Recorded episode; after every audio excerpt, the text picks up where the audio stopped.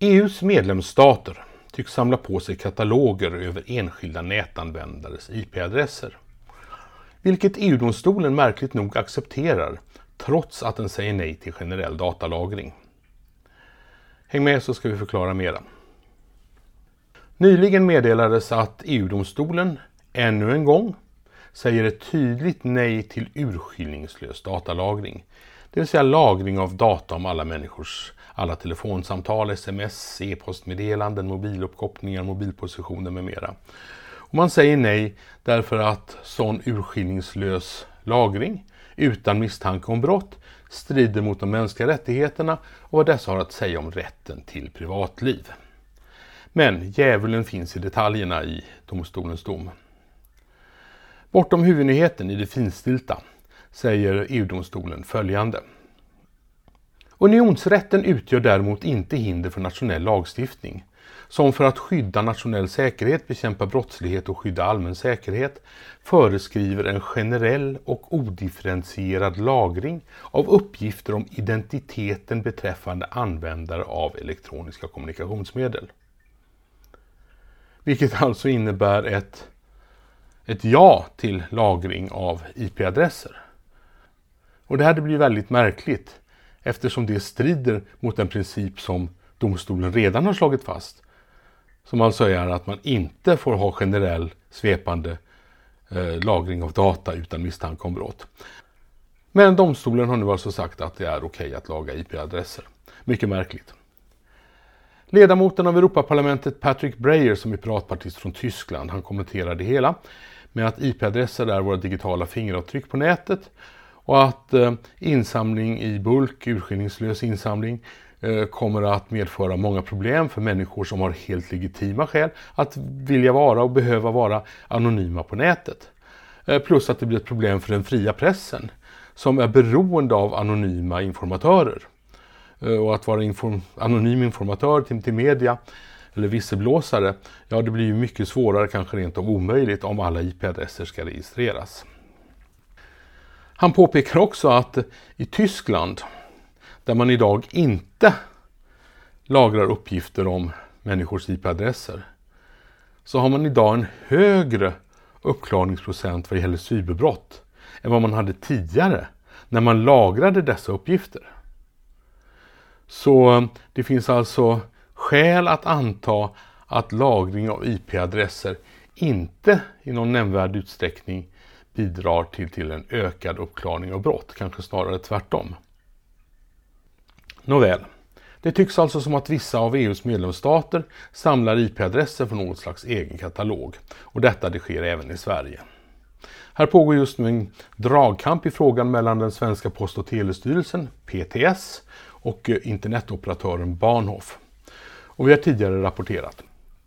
PTS skriver i sitt pressmeddelande vid misstanke om internetrelaterade brott måste Polismyndigheten kunna begära ut uppgifter om abonnemang från den bredbandsoperatör som tillhandahåller aktuell IP-adress för att kunna identifiera en person. Bahnhof har vid flera tillfällen vägrat lämna ut uppgifter när information om portnummer saknats i Polismyndighetens begäran. Och nyckelformuleringen här det är när information om portnummer saknas. Det innebär att det inte bara är uppgifter om den misstänkte utan även en stor mängd andra kunder som har använt samma IP-adress skulle komma att lämnas ut. Vilket Bahnhof inte vill gå med på.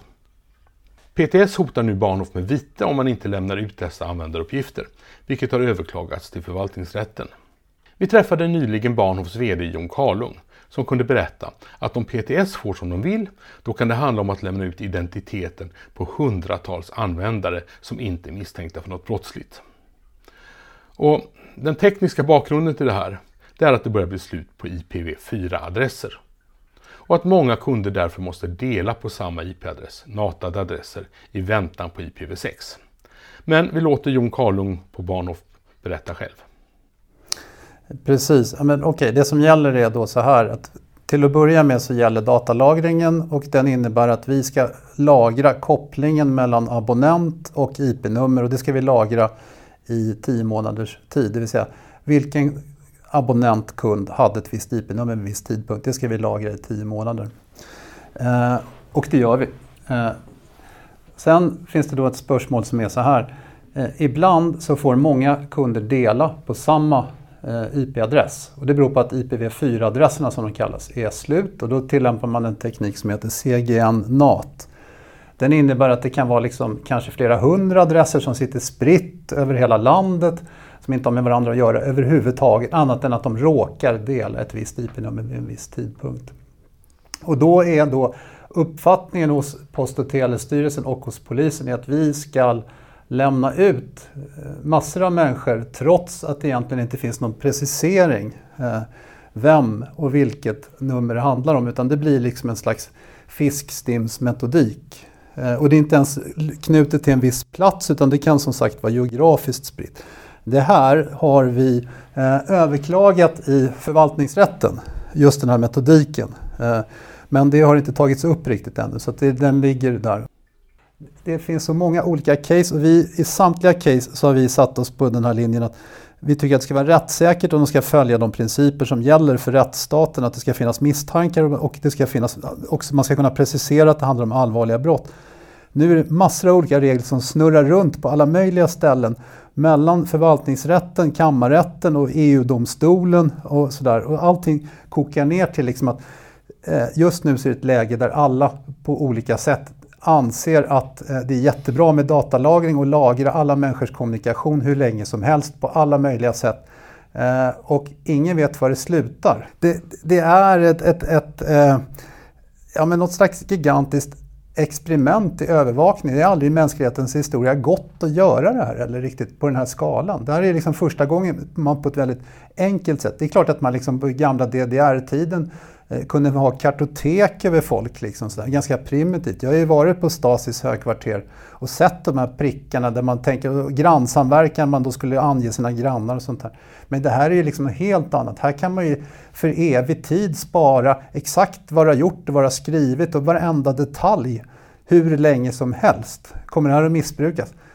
Ja, det här är ingen sån här grej som man ska lägga sig platt för utan det, det, det, gäller att kämpa i de här frågorna på olika sätt. Och det handlar inte om att kämpa för rätten att det ska finnas brottslingar utan det handlar om rätten för rättsstatens principer, demokratiskt samhälle, yttrandefrihet, frihet på nätet. Det är värden som man kan stå för allt, och fortsätta att stå för. Och jag tycker man ska också se det både statliga eller kommersiella intressen. Jag tycker att de är lite, lite lika goda kålsupare fast på lite olika sätt. Så jag tycker det finns goda grunder att ifrågasätta en del av de här riktigt stora eh, ja, men både Google och de stora sociala medieplattformarna på samma sätt. Att kräv transparens och det, frihet på nätet inte, det, det innefattar liksom alla aspekter, tycker jag. Liksom.